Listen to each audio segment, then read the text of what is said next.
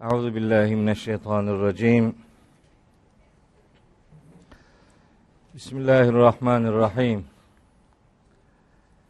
Elhamdülillahi rabbil alamin. Salatu ve selamu ala Resulina Muhammedin ve alihi ve ashabihi ve men tebi'ahu bi ihsanin ila yevmiddin. Kıymetli kardeşlerim, hepinizi selamların en güzeliyle, Allah'ın selamıyla selamlıyorum. Allah'ın selamı, rahmeti, bereketi, afiyeti, mağfireti üzerinize olsun.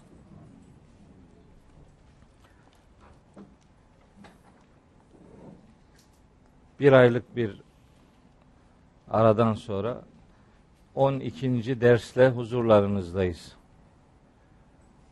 Bu günü bize gösterdiği için Rabbimize hamd ediyoruz. Allahu Teala bu kıymetli zaman dilimlerinde rızasını kazananlardan eylesin. Derse başlarken birkaç cümle söylemek istiyorum. Söylemek istediğim cümlelerden bir tanesi Mısır'daki kardeşlerimizle alakalı onlara yönelik tutum ve zalimane tavır karşısında önce Müslüman olarak sonra tabii ki bir insan olarak duyduğumuz ızdırabı Rabbimize şikayet ediyoruz. Allahu Teala böyle korkunç bir yanlıştan herkesi muhafaza buyursun. Oradaki kardeşlerimizi de Allah'ın yanında olmanın onuruyla ömürlerini hayırlara vesile kılsın. Onları bu duruşlarında mahzun eylemesin. Bizi de duyarsızlığımızla mahcup eylemesin inşallah.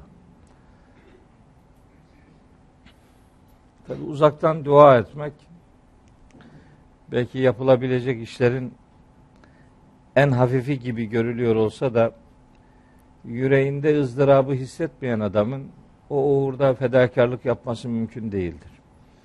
Önce yüreğiniz hareketli olmalıdır ki önce kalbiniz bir, yende, bir yerden yana tavır koymalıdır ki sonra elleriniz, ağzınız, kalbiniz, aklınız, bütün varınız o ideal uğrunda fedakarlık yapabilsin. Biz önce yüreğimizin kıblesini Allah'tan yana belirlemeye gayret edelim. Sonrasına, sonrasına Rabbim yollarını açacak ve o yollarda yürümede bizi, sizi, hepimizi inşallah muvaffak kılacaktır. Sadece Mısır'da değil, dünyanın her tarafında Müslim gayrimüslim, inancı her ne olursa olsun, zulme uğratılan bütün kardeşlerimizin acısını yüreğimizde hissediyor olmak insan olmamızın bir gereğidir. Müslüman olmasalar bile onlar bizim insan kardeşimizdir. İnsan kardeşimize zalimane her tutumu yüreğimizden telin ettiğimizi bu vesileyle tekrar beyan etmiş olalım. Söylemek istediğim ikinci husus yarın yani 14 Nisan itibariyle Kutlu Doğum Haftası başlıyor. Biliyorsunuz 1989 yılından bu yana böyle bir hafta kutlana geliyor. Ben o gün bugündür. Yani 1989 yılından bu yana her sene Kutlu Doğum Haftası etkinliklerine katıldım. Bu sene de katılıyorum. İlk dönemlerden itibaren Hz. Peygamberi anma programlarının ta 25 sene öncesinden beri anmayla değil anlamayla bu işin olabileceğini doğru bir hizmetin anarak değil anlayarak yapılabileceğini öteden beri söyledik. Elhamdülillah yakın senelerde zaten programın sloganı değiştirildi. Hz. Peygamberi anma programı değil, anmaktan anlamaya diye dönüştürüldü. Bu programların tarihi itibariyle bir rezervim olduğunu söylemek isterim. Tarih olarak. Yani 14-20 Nisan şeklinde belirlenmesinin kanaatimce çok doğru olmadığını düşünüyorum. Hazreti Peygamber'in veladetinin esas alınmasını çok makul bir tarih olarak görmüyorum. Ben asıl kutlu doğumun Hazreti Peygamber için de anlamlı olan bir doğuma dönüştürülmesi gerektiğine inanıyorum. Yani gün gelir bir gün karar merciinde olursam inşallah diyenlerin sayısı 5-10, gülenlerin sayısı kahır. Yani çok imkansız bir şey söylediğim anlaşılıyor. Belli olmaz. Rabbimizin yarın neler ihsan edeceğini bilmiyoruz. Duamız olsun. Hayra hizmet anlamında sadece muhabbet olsun diye söylüyorum. Yoksa herhangi bir yerde hiçbir şekilde gözüm yok. Allah'ın rızasını kazanmanın dışında hayatta hiçbir beklentim yok. Onu özellikle beyan edeyim ama bir mesajı verme adına bunu söylüyorum.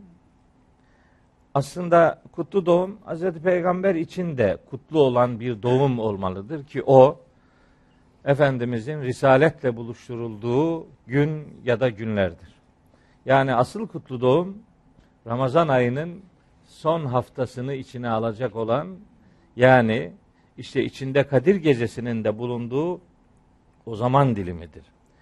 Kutlu doğum asıl anlamını o zaman bulmuştur. Beden olarak doğmak değil, ruhen doğmaktır asıl mühim olan.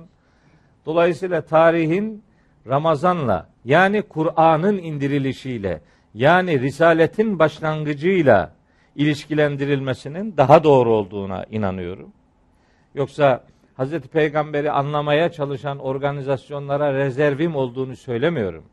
Her fırsatta onu doğru anlamak için fedakarlık yapılması gerektiğine inanan bir insanım. Ama bunu doğru zamanda, doğru tarihte yaparsak hani İnşirah suresinin birinci ayetini de doğru anlamış oluruz. İnşirah suresinin birinci ayeti biliyorsunuz Estağfirullah şöyledir.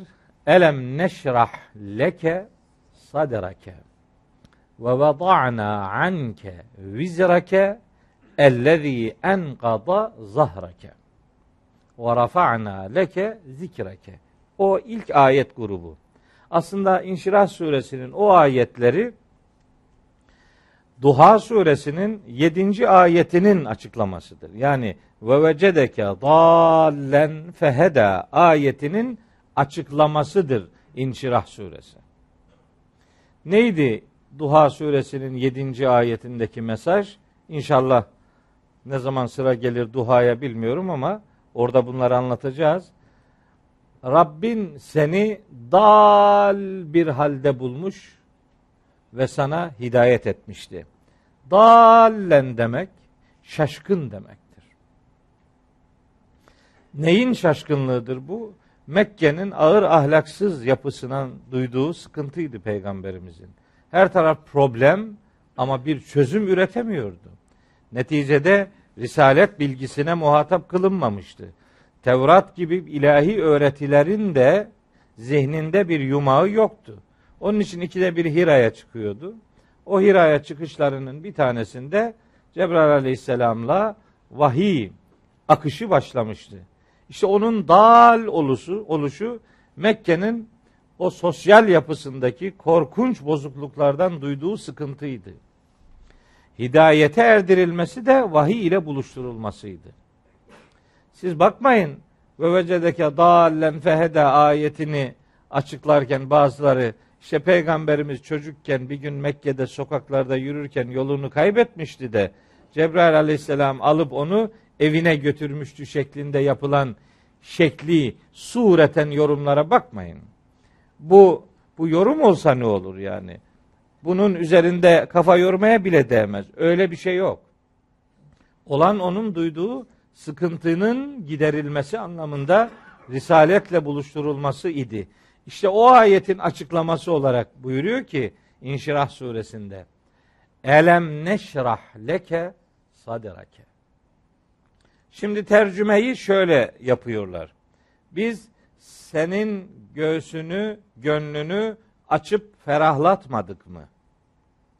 Tamam. Bu tercüme böyle söylendiğinde anlaşılıyor. Fakat anlaşılıyor ama asıl Arapça metnin bir kelimesi ihmal edilerek bu tercüme yapılıyor. Elem neşrah sadirake nin tercümesidir o. Biz senin gönlünü ferahlatmadık mı? Ama orada leke diye bir kelime var. Elem neşrah leke. Leke özellikle senin için özellikle senin için yüreğindeki sıkıntıyı gidermedik mi biz? Yüreğini açıp ferahlatmadık mı? Senin için denmesinin sebebi peygamberimizin duyduğu sıkıntının önce onun yüreğinden alınması idi. Yani kutlu doğum peygamberimizi rahatlatan doğum diye algılanmalıdır. Bu da risalet ile Kur'an'ın insanlarla buluşturulması ile ilişkilendirilirse daha doğru bir tarih tespit edilmiş olur. Ve vada'na anke vizrake senin yükünü senden kaldırıp atmadık mı? Ellezî enkada zahrake sırtını belini çatırdatan o ağır yükü senden kaldırmadık mı? diyor Allahu Teala. İşte kutlu doğum bu vahyin Hazreti Peygamberle buluşturulması enstantanesini o hakikati karşılayan bir mahiyete dönüştürülürse Hazreti Peygamberi ve kutlu doğumu daha doğru anlamanın kapısı aralanmış olacaktır. Bu benimki bir dua olsun. İnşallah bir vesile oraya doğru mesele evrilir. Öyle şekillenir inşallah.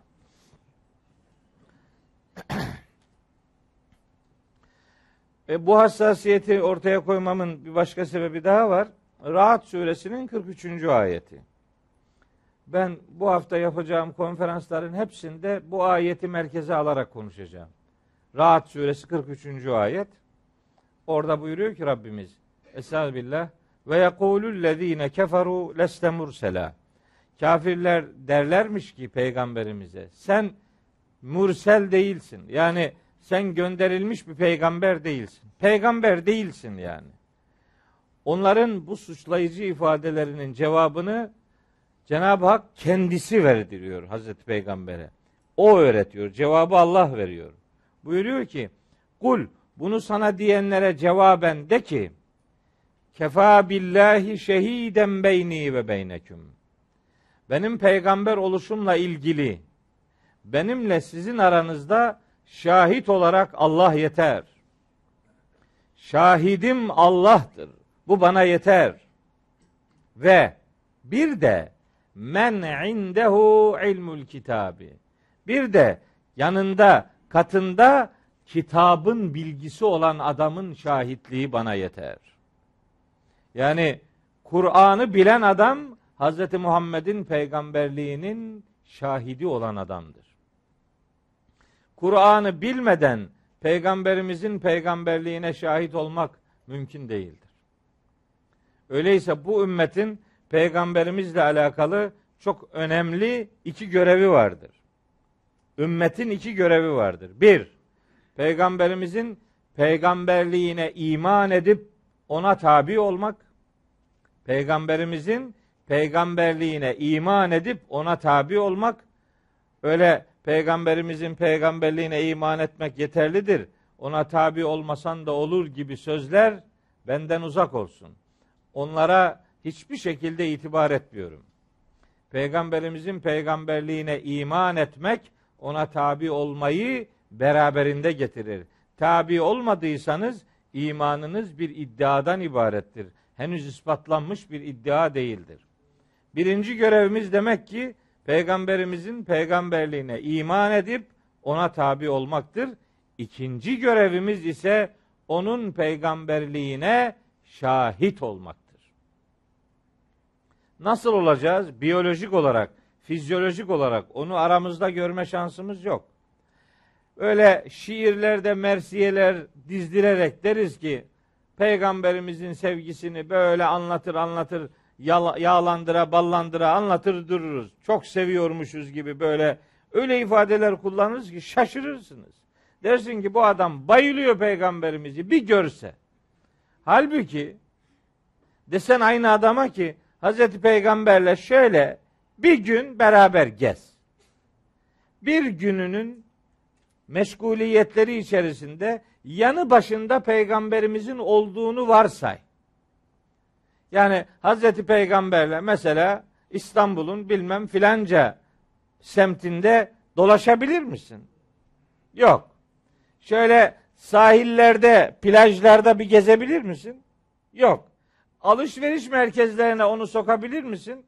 Yok. Markete sokabilir misin? Markete. Raflarından emin değilsin ki her türlü fitne fücur dolu. Oraya da sokamazsın. Helal paralarla aldığından emin olduğun evin var mı? Onu evine götürebilir misin? Öyle banka kredileriyle alınmış evden söz etmiyorum. Helal paralarla kazanılmış bir ev. Var mı? Götürebiliyor musun? Yok. Ona bir sofra kurabilir misin? Her lokmasının helal olduğundan emin olduğun bir kahvaltı hazırlayabilir misin peygamberimize? Yok. Hanımınla, kızınla, oğlunla hep beraber oturup mesela televizyon seyredebilir misin? Yok. E nasıl seviyorsun Hazreti Peygamberi? Bizim bu sevgimize ben platonik aşk diyorum. Uzaktan ve imkansız bir aşk.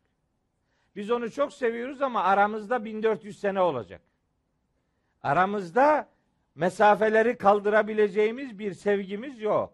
Ama çok sevdiğimizi söylüyoruz. Bir hafta peygamberimizi anıyoruz. Kalan 51 hafta onu aklımızın ucundan dahi geçirmiyoruz. Var mısınız kutlu doğum haftasını bir haftadan 52 haftaya çıkarmaya? Var mısınız onu bir programda anlatmaktan değil, ömür boyu anlamaya dönüştürmeye? İşte bu peygamberimizin peygamberliğine şahit olma duyarlılığıdır. O şahitliği yerine getirmenin yolu Kur'an'ı anlamaktan geçer. Kur'an'ı anlamayan Hazreti Muhammed'i tanıyamaz. Bit. Kutlu doğumlar dilerim Kur'an'ı anlama programlarına dönüşsün. O zaman Hazreti Peygamber doğru tanınmış olacaktır. Dua ve niyazım bu istikamettedir. Şimdi dersin normal konusuna yani Alak suresine dönelim inşallah. Biz iki hafta Alak suresinin birinci ayetiyle uğraştık. Birinci hafta İkra Bismi Rabbike ile uğraştık. İkinci hafta Ellezî halaka ile uğraştık. Allah'a şükür iki haftada bir ayeti okuduk. Şimdi ikinci ayetine geldik. İkinci ayeti evet muhtemeldir ki ikinci ayetiyle de bir ders yapacağız. Çünkü öyle bir ayet ki bu. Bunun üzerinde uzun uza diye konuşacağız. Bakmayın bu ayetin üç kelimeden meydana geldiğine. Her kelimesinin açılımı onlarca ayeti ilgilendiriyor. Hani bilgisayarın sayfasındaki monitördeki dosya numaraları gibi. Dosyaya tıklıyorsun önüne yeni bir alem açılıyor. Burada da ayetin bir kelimesinin üzerine tıklıyorsun bir alemle karşılaşıyorsun. Öyle bir ayet Alak suresinin ikinci ayeti. Konu arası bir irtibatsızlık olmasın diye birinci ayeti tercüme ederek ikinci ayete sözü getirmek istiyorum. Birinci ayet şuydu. Estağfirullah. İkra Bismi rabbikellezî halak. Yaratan Rabbinin adı ile kıraat et. Biz ona oku manasını özellikle vermedik. Dedik ki okumak denince ses titreşiminden ibaret kalıyor Kur'an'la diyalogumuz. Oysa kıraat aklın devrede olduğu okumalar için kullanılır. Yaratan Rabbinin adı ile kıraat et. Yaratılana bakarak yaratanı bul. Mahlukla halik arasında bağın olsun. Aklın bu işe yarasın. Kıraat anlama endeksli çabaların her birini içeren bir kavramdır. Öyleyse biz yaratılana bakarak yaratana ulaşmanın yollarını arayacağız. Geçen ders Rabbimizin üç kitabı vardır diye söze başlamıştım. Demiştim ki ayeti olan her şeyin kitabı vardır. Eğer bir şeyde ayetler varsa o şeyin kitap olarak tanıtılması gerekir. Kur'an'ın ayetleri vardır. Kur'an bir kitaptır. Tevrat'ın ayetleri vardır. İndirildiği zamanki orijinal halini söylüyorum. O bir kitaptır. İncil'in ayetleri vardır. O da bir kitaptır. Suhuf dediğimiz sahifelerin ayetleri vardır. Onlar da bir kitaptır. Ama Cenab-ı Hakk'ın Hazreti Adem'den Hazreti Muhammed'e kadar aleyhisselam gönderdiği bütün ilahi vahiyler tek kitabı ifade eder. Bir kitaptır o. Biz buna tenzili kitap dedik. İkinci kitap ayetleri bulunan başka bir hakikatla ilişkilidir. Kainatta, yeryüzünde, gökyüzünde mahlukat dediğimiz bu alemin her biri, her bir ferdi bir ayettir. O ayetlerin oluşturduğu bütüne de kainat kitabı adını veriyoruz. Buna da tekvini kitap diyoruz. Yaratılışla alakalı Allah'ın kanunları anlamında ayetlerin oluşturduğu kitaba tekvini kitap yani kainat kitabı. Yani Allahü Teala'nın kainata yazdığı kanunlar anlamında yazılı kitap diyoruz. Bu ikinci kitap.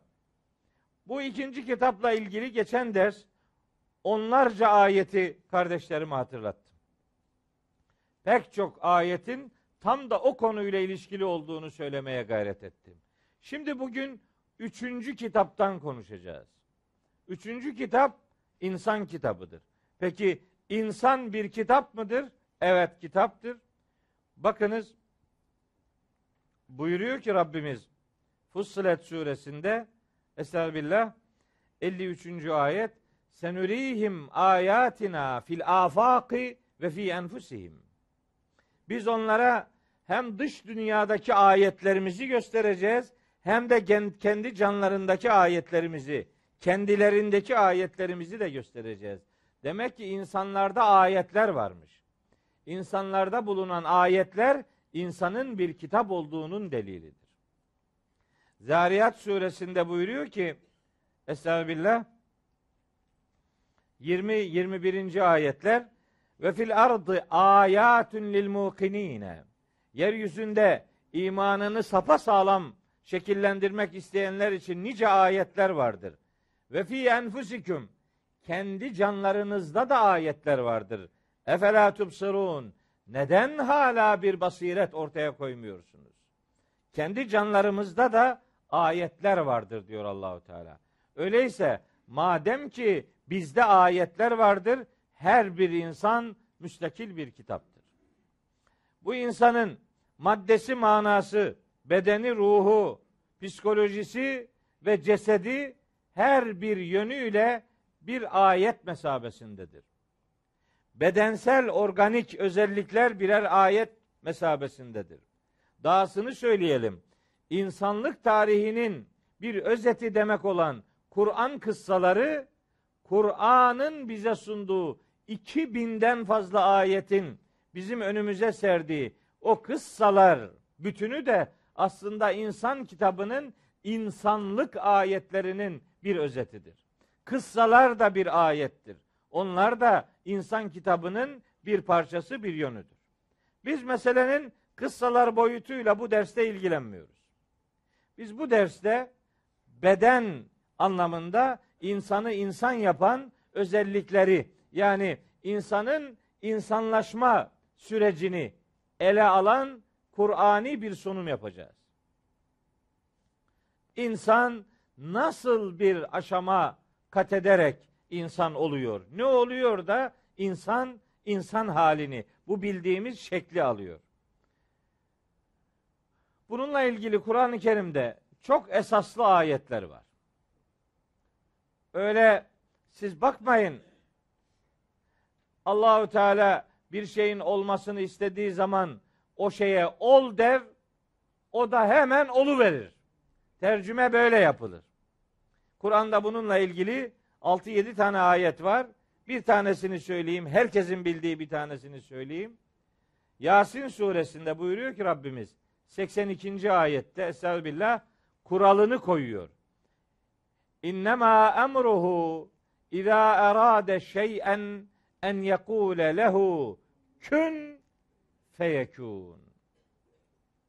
Allah bir şeyin olmasını murad ettiği zaman onun tek işi o şeye ol demekten ibarettir. Feyekûnu. O fe fa-i takibiyedir. Hemen hemen o anda yekûnu olmaya başlar oluşum başlar. Ol der, süreç başlar. Efendim Allah ol deyince hemen olamaz mı? Tabii ki olur. Allah'a kim bir imkansızı nispet edebilir ki? Öyle bir cüretin içerisine kimse giremez. Ama sünnetullah böyle tecelli etmiştir. Süreç halinde yaratmadan söz ediyor Allahu Teala. Efendim insanoğlunun yaratılışıyla alakalı anlatılan bir enstantane var biliyorsunuz. Melekler böyle heykelimsi bir şekil meydana getirdiler. Allahu Teala da ona ruhundan üfledi. Bir anda adam Adem yani canlandı, adam oldu. Böyle topraktan, çamurdan bir e, heykel temasil dediğimiz bu görüntülerden bir tane meydana getirdiler. Allah da ona can verdi, üfledi, oldu. Peki bunun Kur'ani bir referansı var mı? Yok. Böyle bir şey de Kur'an'ın hiçbir yerinde zerre kadar işaret dahi yok. Nereden geliyor? Bu bir menkıbe. Adam heykeltıraş gibi melekleri öyle takdim ediyor. Düşünüyor ki bir şekil meydana getiriyor. Herkes böyle yapıyor. Muhtemelen ilk insan da böyle yaratılmıştır. Hayır işte öyle değil. Bu akıl yürütmeyle değil, vahyin gösterdiği ana ilkeler takip edilerek ancak kavranabilir. Yaratılışta bir süreçtir sünnetullah dediğimiz hakikat. Yaratılışın süreç halinde meydana geldiğinden söz eder. Mesela böyle slogan olsun diye söylemiyorum. Bilenler bilirler. Kur'an-ı Kerim'de çeşitli ayetlerde göklerin ve yerin yaratılışıyla alakalı bilgi vardır. O bilginin Kur'an'da bulunduğunu bilirler fakat o bilginin nasıl bir sunum yaptığı üzerinde kafa yormazlar. Allah gökleri ve yeri altı günde yarattığını söylüyor. Sitteti eyyam. Sitteti eyyam altı günler demek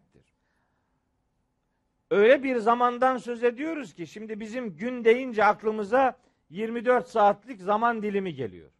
Bize göre gün dünyanın kendi ekseni etrafında bir hareketi tamamladığı zaman dilimine bir gün diyoruz. 24 saat. Ama şimdi sözünü ettiğimiz göklerin ve yerin yaratılışıyla alakalı ayetlerde henüz dünyada yokken bir gün tabiri kullanıyor Allahu Teala. Eyyam. O gün bizim şimdi bildiğimiz 24 saatlik zaman dilimi değildir. O gün altı zaman demektir. Altı evre demektir. Altı aşama demektir. Neden bir günde yarattı demiyor da altı günde diyor? Altı zamanda diyor. Demek ki bir süreç var. Süreç olduğu için böyle evreler, zamanlar, dönemler ifadesi var ve pek çok ayette var. Hani bir ayette olsa bir türlü yorumlardık. Derdik ki buradaki altı günden maksat işte çokluktur. Gün beyanı aslında doğrudan ifade değildir gibi geçiştirirdik. Ama öyle değil.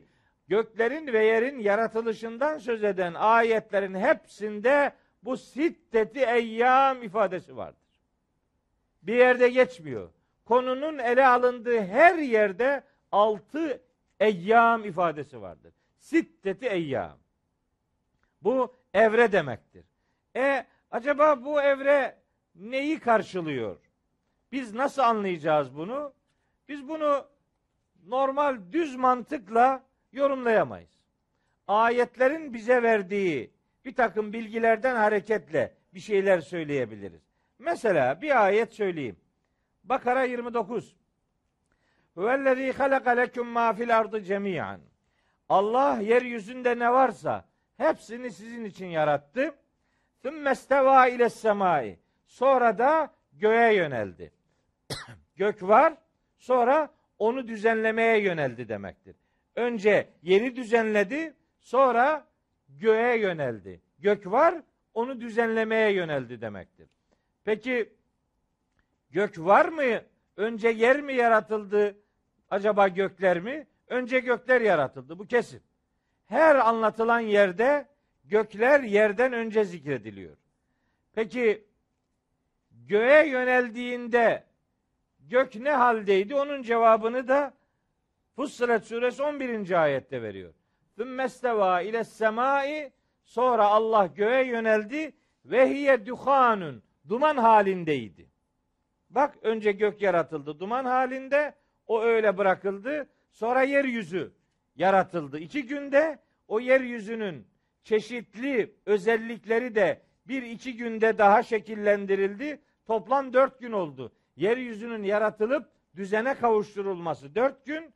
Sonra fakadahunne seb'a semavatin fi yevmeyni sonraki iki günde de Allah gökleri yedi kat şeklinde bina etti. Toplam. Toplam altı gün. Bakın gün gün ne yaptığını söylüyor. Neler yapıldığını söylüyor. Fussilet suresi 9, 10, 11 ve 12. ayetler bu aşamayı bize öğreten ifadelerdir. Neyin aşamasıdır bu? Neyin açılımıdır bu? Sitteti eyyam tamlamasının açılımıdır. Bakın bir aşamadan söz ediyor. Öbür türlü de olurdu. Tabii ki olurdu ama sünnetullah böyle tecelli etti canım. Yani haşa Allah'ı sorgulayacak halimiz yok. Öyle yaptığını söylüyorsa mesele yok. Biz ona öylece iman ederiz.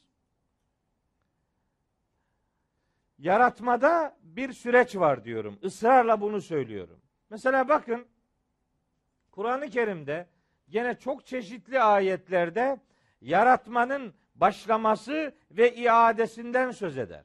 Ve huvellezî yebde'ul halqa sümme yu'iduhu. Allah yaratmaya başlar ve onu iade eder. Yaratmanın iadesi yani yaratmanın devamı demektir bu. Yunus suresinde geçer. Kul hel min şurekâiküm men yebde'ul halqa sümme yu'iduh. Kul illahu yebde'ul halqa sümme yu'iduhu. İşte 24. ayeti.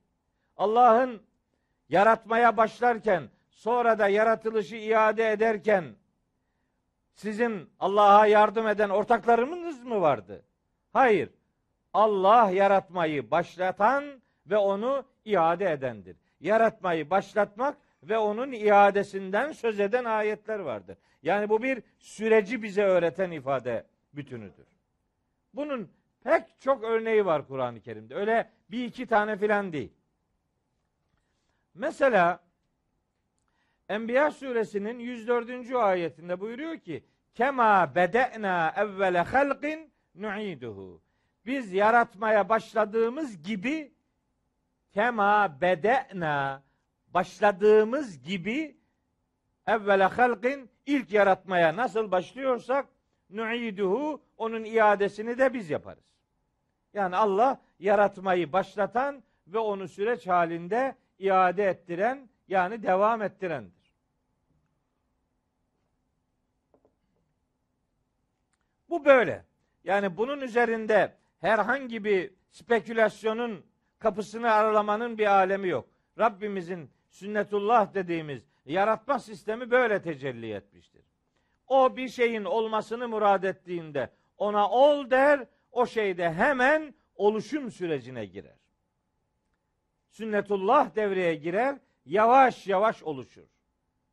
Her oluşumun her anında bir başka sünnetullah devrededir. Dolayısıyla Rabbimizin kudreti her an bir oluşum içerisinde tecelli eder. Bakın Nahil suresinde buyuruyor ki Rabbimiz ve yahluku ma la ta'lemune. Allah sizin bilmediğiniz nice şeyleri yaratmaya devam ediyor. Yahluku yaratıyor. Yaratma işlemi devam ediyor. Hani Allah yarattı, kenara çekildi. Yaratıklar da varlığını devam ettiriyorlar. Bir topaç örneği verirler. Bu öyle değil.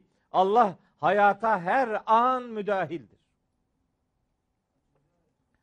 Nahil suresinin 8. ayeti. Mesela Rahman suresinde bir ayet var.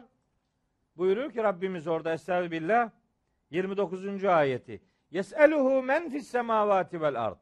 Göklerde ve yerde kim varsa hepsi Allah'tan ister ona sorar. Onu sorar ondan ister. Nasıl bir varlık devam ettiriyor Allahu Teala diye. Cevap külle yevmin huve fi şe'nin. Allah her gün yeni bir iştedir. Her an bir şandadır deriz onu Türkçe biz. Allah her an bir şandadır. Yani Cenab-ı Hak her an yeni bir meşguliyetin içerisindedir. Allah hayata müdahil bir varlığın, bir kudretin adıdır. Onun için ben din nedir sorusunu şöyle cevaplarım.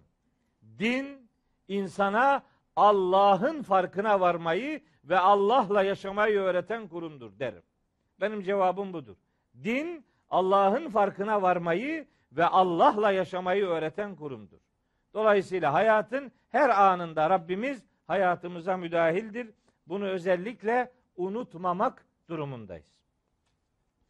Peki kainatla alakalı mesele bu. Peki ya insanın yaratılışıyla alakalı böyle süreçler var mı? Var. Şimdi çok çarpıcı üç tane ayet söyleyelim. Bakın böyle kendi kanaatim diye beyan etmiyorum. Doğrudan ayetlerden sunum yapmaya gayret ediyorum. Çünkü ciddi bir iş bu. Öyle kendi benim zannıma göre böyledir deyip de geçiştirilecek bir mesele değil. Çok tartışılan bir meseledir de. Şimdi bizim aşama, süreç, tekamül dediğimiz şeyi mesela başkaları evrim kelimesiyle karşılıyor. Onun evrim kelimesine bir rezervim yok benim. Evrim de denebilir. Fakat onun evrim dediği şeyin içinde başka sıkıntılar var. O sıkıntılarla buluşmama adına evrim kelimesini kullanmıyorum ben. Çünkü evrim denen şey daha çok materyalist bir algının ve insanın yaratılış orijininde başka ara varlıkların, ara türlerin meydana getirildiği kabulüne dayalıdır. Ve evrimin daha çok dolak doğal yollardan kendi kendine meydana gelen bir oluşum olduğu kabul edilir ki biz bunu şiddetle reddederiz.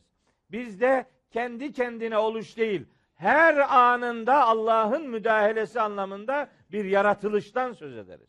Yaratılış vardır. Evrim ve onu savunanlar yaratılış üzerinden konuşmazlar. Bunun kendi kendine meydana geldiğini söylerler. O o grupla aynı şeyi söylüyor izlenimi vermeme adına evrim kelimesini de kullanmıyorum. Kendi kendine varoluş ifadesini de ısrarla kullanmıyorum. İnsanın yaratılışında ara formların meydana getirildiği kabulünü de kesinlikle Kur'ani bir rezervi olmayan görüş olarak beyan ediyorum. Yoksa bir sürecin yaşandığında zerre kadar şüphe yoktur. Şimdi bakın insanla alakalı neler söylüyor? İnsan suresi. İnsanla alakalı İnsan suresinin birinci ayeti. Estağfirullah. Rabbimiz şöyle buyuruyor. Ben önce estağfirullah diyorum. Sonra Rabbimiz şöyle buyuruyor diyorum. Halbuki Rabbimiz şöyle buyuruyor deyip sonra estağfirullah demek daha akıllıca. Ayetin önünde estağfirullah demek lazım. Ben başta bir estağfirullah diyorum hepsine sayılsın diye. Yani sürekli ayet okuyunca vakit estağfirillahla geçmesin diye baştan istiazemi yapıyorum. Ondan sonra da ara ara böyle cümlelerin arasına serpiştiriyorum. Yani bir olumsuz bir e, düşüncem yok. Onu özellikle söyleyeyim. Buyuruyor ki Kur'an-ı Kerim'de Cenab-ı Hak Estağfirullah. Hel eta alel insani hinun mined dehri lem yekun şeyen mezkuran. İşte birinci ayet İnsan suresinin. Tercümesi şu. Hel eta alel insani hinun mined dehri. İnsanın üzerinden dehir denen başı sonu belli olmayan zaman kavramından bir hin, belli bir dönem geçmişti değil mi? Hin başı sonu belli olan zaman dilimine denir.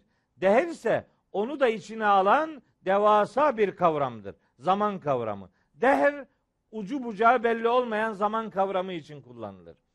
O ucu bucağı belli olmayan zaman kavramının içerisinden belli bir dönem insanın üzerinden geçmişti. Muhakkak geçmişti. Henüz insan hatırlanabilir bir şey değilken. Lem yekün şeyen mezkuren. Henüz hatırlanabilir bir şey değilken insanın üzerinden uzun bir süreç geçmişti. Hangi insan bu? Her insan. Her insan bakın. Bu ayeti yorumlarken maksat sadece Hazreti Adem'dir diyorlar. Hayır. Maksat önce Hazreti Adem yani ilk insan, ilk insan nesli ve her insandır. Her insanın yaratılış sürecinde zamanın önemli bir kesiti geçiyor. Bizim biraz sonra söyleyeceğim topraktaki sürecimiz var. Ne kadar devam ettiğini bilmiyoruz biz. Her insanın bir toprak geçmişi vardır. Ve onun ne kadar bir zaman aldığını böyle milimetrik tayinle tespit etme şansımız yok. Orada hemen bu ayete sığınıyoruz. Henüz hatırlanabilir bir şey değilken insanın üzerinden zamanın önemli bir bölümü geçti gitti. Her insan için böyle bir zaman akışı söz konusudur. İnsan diye hatırlanabilir değilken. İşte bu arada diyorlar ki demek ki insan insan olmadan önce başka bir şeydi. Hayır. O da demek değil. Niye? Çünkü Kur'an'dan konuşacaksak bunun da cevabı var. Bakın Rabbimiz insanın yaratılış aşamalarının her birinde insanın adını insan ya da beşer olarak zikreder. Bakın bu Alak suresinin hemen ikinci ayetinde halakal insane min alakın diyor. Allah insanı alaktan yarattı. Demek ki alak aşaması bir insandır. Bu biyolojik aşamaların bir parçasıdır. Elementer aşamaların içerisinde de daha çamurdan yaratılmaya başlamadan önce de o yaratılacak varlığın adı insan olarak belirlenir. Er-Rahman allemel Kur'an halakal insan allemehul beyan. İnsanı yaratmaktan söz eder. Buyuruyor ki gene o e, bağlamda Hicr suresinde İz kâle rabbuke lil melâiketi inni hâlikun beşeren min salsalin min hame'in mesnun. Kara balçıktan bir salsal şeklinde insan yaratacağım diyor. Yaratılacak varlığın adı beşer olarak, insan olarak beyan ediliyor. İnsanın su haline de insan, toprak haline de insan, çamur haline de insan, nefsi vahide haline de insan, alak haline de insan deniyor. Yani ara formlar filan yok öyle bir şey. Bunun Kur'an'dan bir referans alma ihtimali yok. Saat suresinde de benzer ifadeyi kullanıyor. Buyuruyor ki Rabbimiz İz kâle rabbuke lil melâiketi inni hâlikun beşeren min tînin. Surenin 71. ayeti. Rabbin meleklere demişti ki ben çamurdan bir beşer yaratacağım. Bir beşer. Bakın adı beşer. Yani insan derisi olan yani maddi yapısı olan bir varlıktan söz ediyor ve adına beşer diyor. Burada adına beşer diyor. Başka ayetlerde adına insan diyor.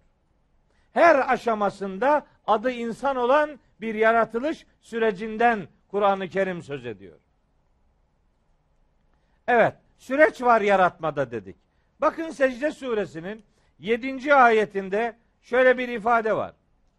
Rabbimiz buyuruyor ki Estağfirullah Ellezî ehsene külle şeyin halakahu ve bede'e halkal insani min tînin Allah her bir şeyi en güzel yapıp yaratandır ve insanı yaratmaya da çamurdan başlayandır. Bede'e halkal insan. İnsanı yaratmaya başladı Allah. Bede'e başlamak demektir. Nereden başladı? Min tînin. Çamurdan yaratmaya başladı. Belli ki yaratılışta bir süreç var. Bir ayet daha söyleyelim. O da Nuh suresinden. Nuh peygamber döneminden beri öğretilerde yer alan bir cümleye bakın. 14. ayeti. Böyle tabi onu arkadan itibaren okumak lazım ama hani sözü uzatmama adına e, geriye doğru gitmiyorum. Maleküm la tercune lillahi ve karan. Neler oluyor size? Neden Allah'ın size bir onur vereceğini ummuyor, beklemiyorsunuz? Kavmine söylüyor Hazreti Nuh. Oysa ve kad halakaküm atvaran. Allah sizi aşama aşama yarattı. Atvaran aşamalar halinde demektir. Demek ki insanın yaratılışında bir aşamalılık söz konusudur. Bir tekamül söz konusudur. Nuh suresinin 14. ayeti işte tam da bunu söylüyor.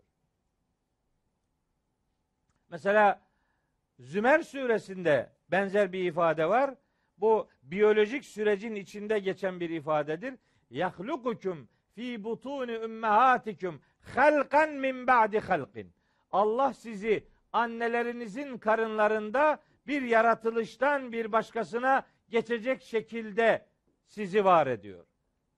Bir yaratılıştan başka bir yaratılışa geçerek aşama aşama Allahu Teala sizi yaratıyor demeye getiriyor.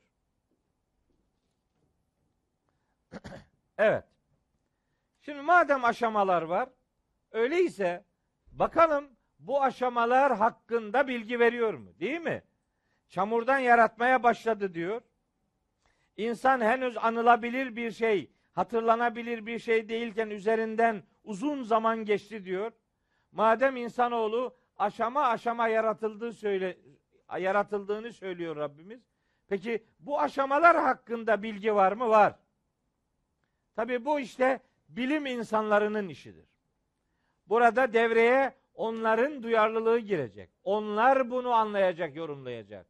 Biz burada sadece bir anahtar cümle söyleriz ve kenara çekiliriz. Sonra sonra onlar konuşacaklar. Yaratılışta Allah'ın sanatı hakkında onlar bilgi verecekler. Çünkü kainat da Allah'ın bir kitabıdır. Onunla ilgilenenler de asıl alimler onlardır. İnnemâ yakşallâhe min ibadihi el ulemâ'u. Allah'a kulları içerisinde gerçekten derin saygı duyanlar kainat kitabı ile ilgilenen alim kullarıdır. Onun erkek veya dişiliğinden değil, insanlığından söz eden ifadeler vardır. Bilim insanı sözümü bilerek kullanıyorum. Bilim adamı deyip kadınları dışlamama adına. Bilim insanları burada konuşacaklar. Bana mesela bu konuda çok yardım eden kardeşlerim var. Hanım kardeşlerim var. Geçen ders birinin adını söylemiştim. Zerrin Hanım diye e, Trakya Üniversitesi'ndeki bir e, doktor hanım harika bir zihni dünyası olan ablamız. Yani öyle adını sanını bilmediğimiz binlercesi var. Onlar konuşacaklar yani. Bizim Samsun'daki Bünyamin Hoca gibi. Beyinle alakalı bana söylediği bir şey bir ayeti doğru anlamama vesile oldu. Bu kitap üç kitap yan yana gidecek ki Allah'a doğru ulaşma sağlanmış olsun. Kainat kitabını da, insan kitabını da, vahyedilen bu kitabı da üçlü halinde okuyacaksın ki sanatkarın sanatkarlığını görüp gözlemleyebilesin. Kaf suresinin ilk ayetleri o zaman tecelli edecek. Tebsıraten ve zikra likulli abdin münibin. Herkes inceleyecek. Hakka yönelen her kul basiret sahibi ve gerçeği fark eden bir ayrıcalığın sahibi olacaktır. Kaf suresi 6, 7, 8. ayetlerde o beyan ediliyordu. Evet, şimdi yaratılışla alakalı, Kur'an insanın yaratılışıyla alakalı iki farklı süreçten söz eder. Bu süreçlerin biri elementer süreç. Elementer demek henüz canlılığın meydana gelmediği, tabiattaki süreç. Hani İnsan suresinin birinci ayetinde belki söylenen budur. Tabiattaki süreç. Neler söylüyor bakın. Kaç tane ayet var? Hakkında yüze yakın ayet var. Bu yedi başlığın içinde yüze yakın ayet var. Ben birer tane yazdım, teberrüken birer tane yazdım. Olanı bir taneden ibaret değil. Her konunun pek çok ayeti var. Bakın neler söylüyor. Buyuruyor ki birinci elementer yaratılışla alakalı ilk sözünü edeceğimiz hususiyet Enbiya suresinin 30. ayetinden istifade ettiğimiz bir hakikattır. Orada Rabbimiz buyuruyor ki Estağfirullah. Ve cealna minel ma'i külle şeyin hayyin. Biz her canlı şeyi sudan yarattık. Bitti. Canlılık suyla başlamıştır. İnsan bir canlı olduğuna göre onun ilk yaratıldığı orijin demek ki suymuş. Bu konuda mesela şöyle ayetler de var. Genellikle karıştırılırlar. Bu su ile şimdi okuyacağım ayetlerdeki su aynı su değil. Mesela Mürselat suresinde buyuruyor ki Elem nahlukküm min ma'in mehinin. Biz sizi değersiz bir sıvıdan yaratmadık mı? O değersiz sıvı dediği daha çok erkek hücrelerinden oluşan, spermlerden oluşan sıvıdır. Mürselat 20. ayette. Mesela Furkan suresinde 53. ayet olması lazım. Orada buyuruyor ki ve huvellezî 54. ayet ve huvellezî halaka minel ma'i beşeren. Allah sudan beşer yaratmıştır. Bakın insanın yaratılış orijini sudur. Buradaki sudan da kasıt gene erkek hücrelerinin olma ihtimali yüksektir. Çünkü ayetin devamında fecealehu neseben ve sıhra hısımlık, akrabalık bağları kurmuştur deyince insanın normal biyolojik üre, üreme sistemine gönderme yaptığı anlaşılıyor. Ama Enbiya suresinin 30. ayeti açık. Ve cealna minel mai külle şeyin hayyin. Allah her bir canı sudan yaratmıştır. Bitti. İşte bilim insanları, işte Kur'an'ın onlara verdiği hedef, ufuk bilgi. Canlılığın kaynağında suyu bul. Şimdilerde bu söyleniyor. Daha ileri aşamalarında daha büyük araştırmalar yapılsın. Kur'ani işaretler orada kendini gösterecektir. Ama araştırma yapılırsa gösterecektir. Yolumuzu Kur'an açıyor. Sonuna kadar, ardına kadar kapıları açık tutuyor. Yeter ki oradan girmeyi başaralım istiyor. Biri bu. Su aşaması. Kur'an'da insanın yaratılışından söz eden ayetlerde toprak kelimesi vardır. Turab kelimesi. Halakahu min turabin. Bu Ali İmran suresi 59. ayette yani örneğini verdiğim ayeti o ama sadece o değil. Mesela Hac suresinin 5. ayeti var. Orada buyuruyor ki Yüce Allah. Ya eyyühen nas in kuntum fi raybin minel ba'th fe inna halaknakum min turabin. Sizi biz topraktan yarattık. Demek ki yaratılış orijinimizde toprak da vardır. Minha halaknakum. Hepinizi topraktan yarattık. Ve fiha nu'idüküm. Hepinizi toprak yapacağız. Ve minha nuhricüküm taraten uhra. Bir başka çıkışta da sizi oradan çıkartacağız diyor. Toprak insanın yaratılış orijinidir. Hem hemen sözün burasında insan toprak ilişkisi bağlamında sonra unuturum korkusuyla bir ayet hatırlatayım. Bir tane değil aslında üç tane var. Biri Hud suresi 61. ayet. Buyuruyor ki Hazreti Salih Semud kavmine diyor ki Hüve enşeeküm minel ardı. Allah sizi topraktan yaratmıştır. Biz topraktan yaratıldık. Arzdan, bu arzdan yaratıldık. Hani diyorlar ya Hazreti Adem cennette yaratıldı filan. Hangi cennet? Dünyadaki bir bahçe dersen eyvallah. Öbür cennet o henüz yok. O mahşerde belli yaratılacak. O mahşerin konusudur. Burada buranın konusu değil o. Adem de bu topraktan yaratıldı kardeşim.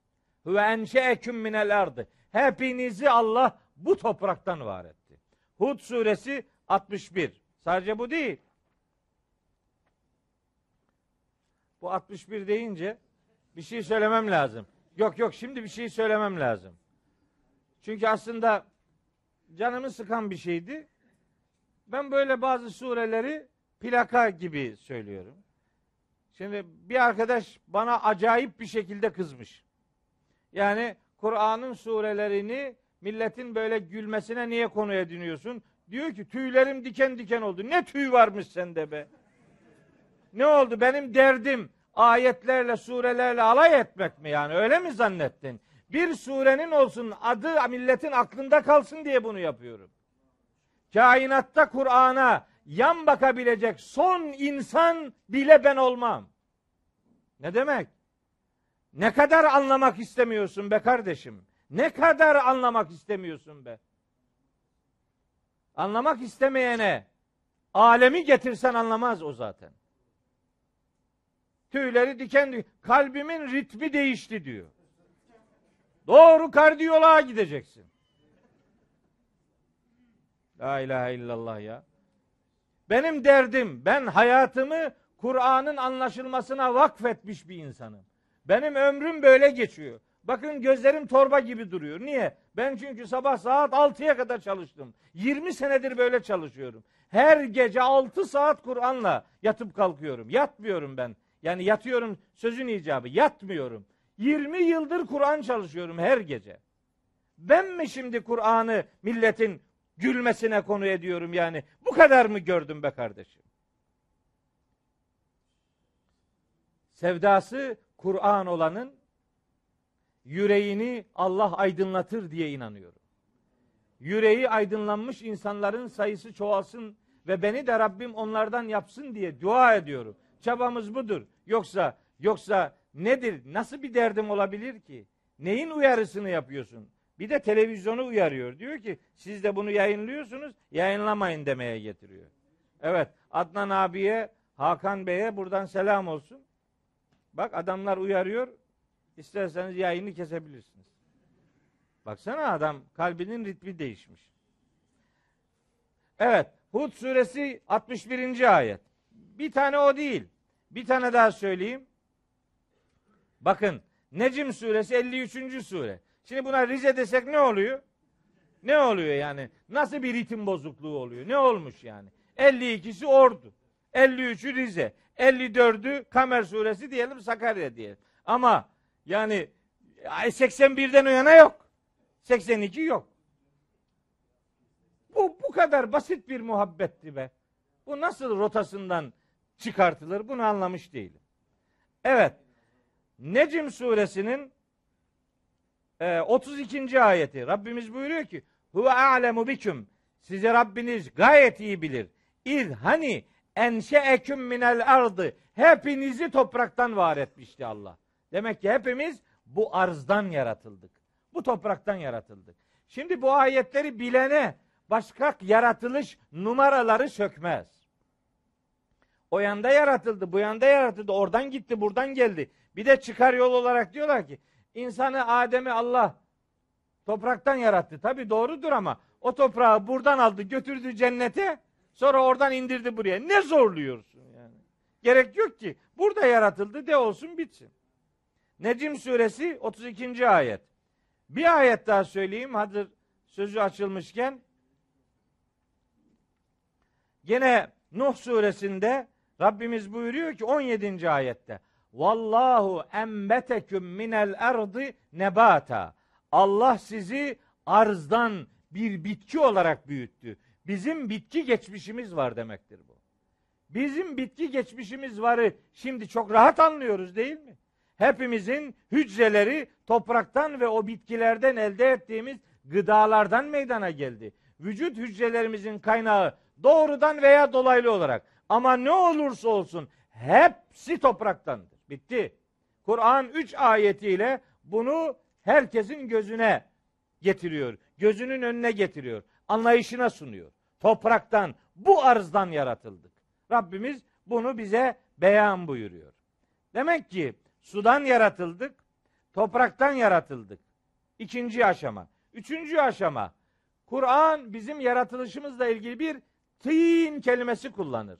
Tîn çamur demektir. Su ile toprağın yan yana gelmesi, birleşmesi otomatik olarak bir çamur kavramını gündeme getiriyor. Biz bir çamurdan yaratıldık. Secde suresinin 7. ayetinde de onu söylemişti. Ve bede'e halkal insani min tinin. Allah insanoğlunu çamurdan yaratmaya başladı. Çamurun içinde su ve toprak da vardır. Dolayısıyla ilk üç aşama tîn kelimesiyle, çamur kelimesiyle karşılanır. Bu üç. En'am suresi ikinci ayet var. Başka ayetlerde de geçiyor. Dört. Kur'an'a göre bizim elementer düzeyde yaratılış aşamalarımızdan biri sülale-i min tin. Çamurdan bir özden yaratıldık. Çamurdan bir öz. Herhangi bir çamur değil, çamurun herhangi bir tarafı değil, onun bir özü. Nerede geçiyor? Müminun suresi 12. ayette geçiyor. Ve lekad halaknel insane min sülaletin min tinin. Biz insanoğlunu çamurdan bir özden yarattık. Sülale öz, hasıla, özet demek. Ondan yarattık. yarattık. Beşinci söyleyeceğimiz insanoğlu tîni lazipten yaratılmış. İnna halaknahum min tînin lazibin. Saffat suresinde geçiyor. Surenin 11. ayeti. İnna halaknahum biz insanoğlunu yarattık min tînin lazibin.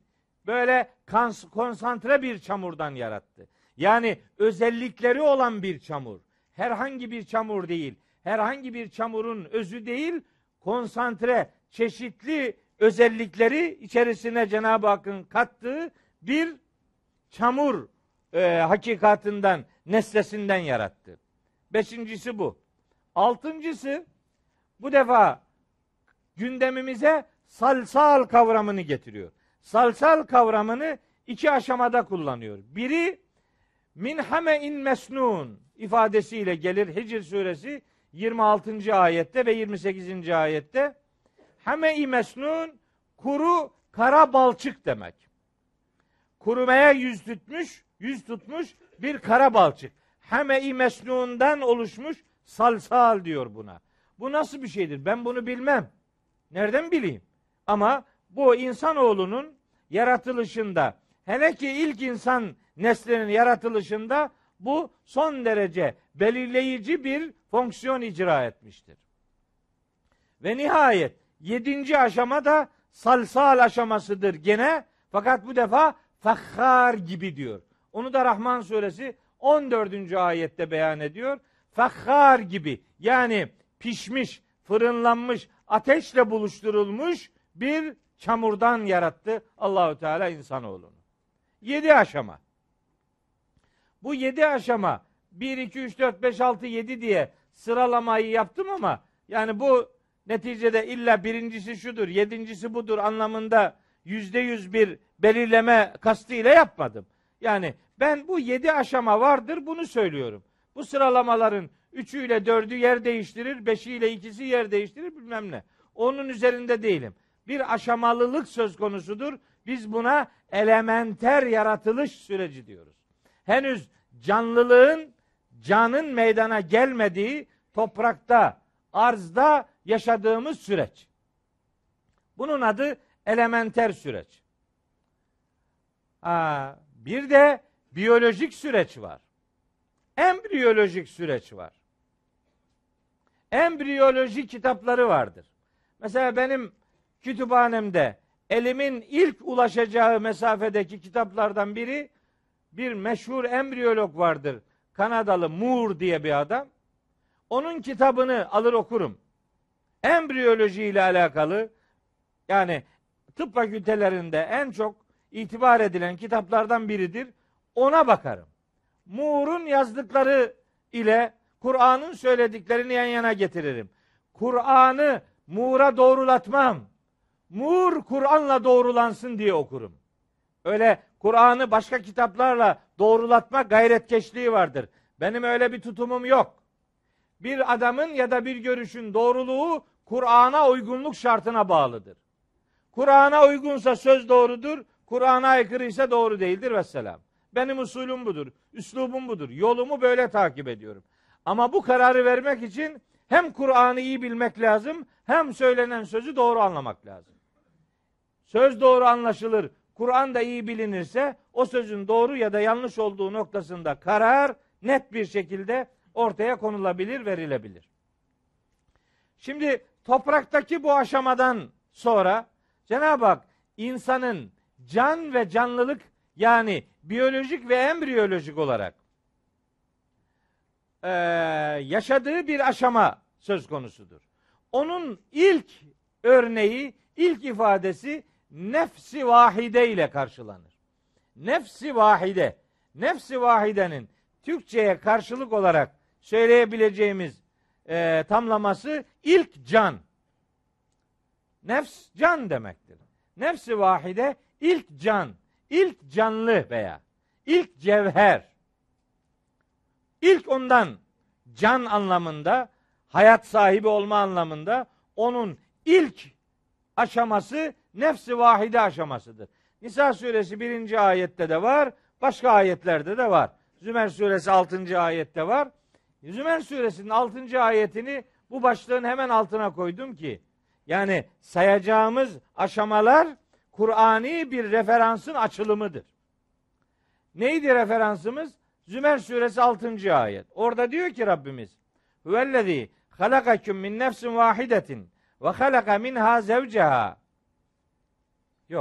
Halakaküm min nefsin vahidetin thumma ceale minha zevceha ve enzele leküm minel en'ami semaniyete ezvacin yahlukukum fi butuni ümmehatikum halkan min ba'di halkin fi zulumatin selasin. Artık anne rahminde üç karanlığın içerisinde üç karanlığı gidin bilim insanlarından dinleyin. Neymiş üç karanlık? Kur'an zulümatin selasin diyor. Üç tane karanlık. Ben bilim insanına bu kadarını söylerim. O üç karanlığın adlarının ne olduğunu Latince, üzgünüm ki Latinceden onları öğreniyoruz. Bizim bizim diyebileceğimiz bilim insanları bunu keşfetmediler. Bunu Batılılar keşfettiler. O zarların adını da Latince belirlediler. Şimdi ben onları telaffuz bile edemiyorum. Ne kadar ayıp. Ne kadar Kur'an'ın istediği, hedeflediği insan profilinden ne kadar uzak olduğumuzu kendi çalışmalarım içerisinde her gün gözlemliyorum. Bu üç karanlığın adını keşke biz verebilseydik. Ama bunu batılılar verdi. İşte ana karnında, annelerin karınlarında üç karanlığın, üç zarın içerisinde sizi bir yaratılıştan başka bir yaratılışa tabi tutuyor Allahu Teala. Yani ana karnında bir süreç var. Neymiş bu süreçler? Bir, nefsi vahide, ilk can. Sonra, şimdi ben tabi o detaya girmek istemiyorum. Girersem orada kalırım diye korkuyorum. Hani bu Nisa suresinin ilk ayetindeki nefsi vahideye diyor ki ondan maksat Adem'dir. Ve halaka minha zevceha ondan da Allah eşini yarattı. Demek ki Havva Adem'den yaratıldı. Buyur. Yaratılışı Allah kullak ediyor. Orada ne Adem ne Havva ikisinden de söz edilmiyor. İlk can, ilk hücre ve onun bölünmesinden söz ediyor vesselam. Bu bu kadar net. Biz ayetleri böyle anlıyoruz.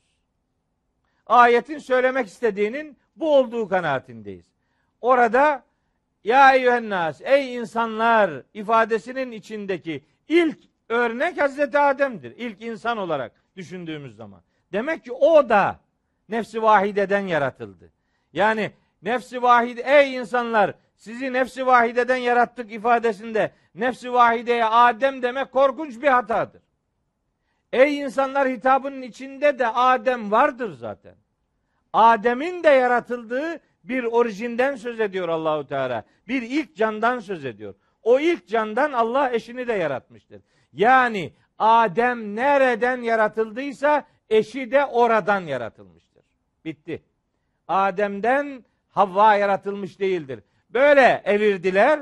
Sonra dediler ki kadınlar erkeklerin işte payandasıdır. Yamasıdır. Asıl erkektir. Kadın onu tamamlıyor filan bilmem ne. Ondan sonra cennetten çıkartılmasına da zaten kadınlar sebep oldu. Şeytan önce yılan şekline girdi, Havva'yı ayarttı. Ondan sonra Havva da Adem'i ayarttı. Ya ne biçim cümleler bunlar ya? Bunların hiç Kur'an'i bir tane referansı yok yani. Yok. Tevrat'tan, kitab-ı mukaddesten kopyala, yapıştır, getirdiler bizim önümüze. Al buna böyle inan dediler. Ona inanmamızı istediler. Sonra da Kur'an'ın da onu demek istediği şeklinde Kur'an'ın yorumlarını tahrif ettiler. Kur'an'ı tahrif edemezler metin olarak ama mana olarak attırmadıkları takla yok Kur'an'a. Biz önce Kur'an'ı okuyalım, sonra diğerlerini okuyalım. Doğru okuma biçimi budur. Önce başkalarını okuyup sırayı sonra Kur'an'a getirirseniz ya sıra Kur'an'a gelmez ya da Kur'an'ın aydınlığını göremeyecek kadar katarakt işlemler yapmış olur. Yani her okuduğun kitap Kur'an'la arana koyduğun bir perde olur. Sonra sonra Kur'an'ı zaten göremez. Görülmüyor da zaten. Onu göremeyince bu defa Kur'an'a bir misyon biçmek gerekiyor. Nedir Kur'an'ın misyonu? Anlamadan okumak, anlamayana okumak, anlayamayacak olanlara okumak. Yani hayattan çekip çıkartmak.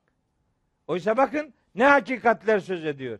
Nasıl embriyolojik bilgiler veriyor. Şimdi madde madde söylüyorum. Bir nefsi vahide. İki nutfe aşaması. Nutfe diye bir kelime kullanıyor. Pek çok ayette geçer. Bir tanesi hariç geri kalan bütün nutfe kelimeleri aslında İnsan suresinin ikinci ayetiyle anlaşılabilir. Min turabin sümme min nutfetin diye gelir pek çok ayette. Önce toprak, sonra nutfe. Nutfe aslında İnsan suresinin ikinci ayetinde açılıma tabi tutulmuştur. Orada Cenab-ı Hak o kelimeye inna halaknel insane min nutfetin emşacin. Biz insanoğlunu emşac bir nutfeden yarattık. Emşac döllenmiş yumurta demektir. Nutfe-i emşac döllenmiş yumurta demektir. Yani bu ne demek? Şimdi bunu bugünkü bilgiyle buluşturuyoruz. 23 kromozom erkekten 23 kromozom kadından geliyor, birleşiyor. 46 kromozomlu bir zigot meydana geliyor. Bunun adı zigot. Nutfeye bugün zigot dersek hata yapmış olmayız. Bu bir tefsir biçimidir. Yorum ayeti böyle anlıyoruz. Şimdi sözümün yani dersin sonunda çok önemli bir şey söyleyeceğim.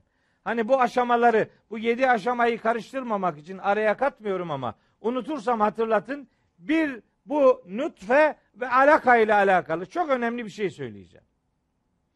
İkinci aşama demek nutfe aşaması demiş. Bu yedi aşamanın. İkincisi nutfe. Nutfeye biz zigot diyoruz. Zigot gene yani bu işle çok uğraştığım için bilgi anlamında rahim yolundaki o döllenmiş yumurta demektir. Cenin. O orada ilk insan orada başlıyor yani. Orada. Sonra sonra 3-4 günlük veya 4-5 günlük bir zaman geçiyor. O zigot dediğimiz küçücük yavrucak ana rahmine yolculuk yapıyor ve rahme yerleşiyor.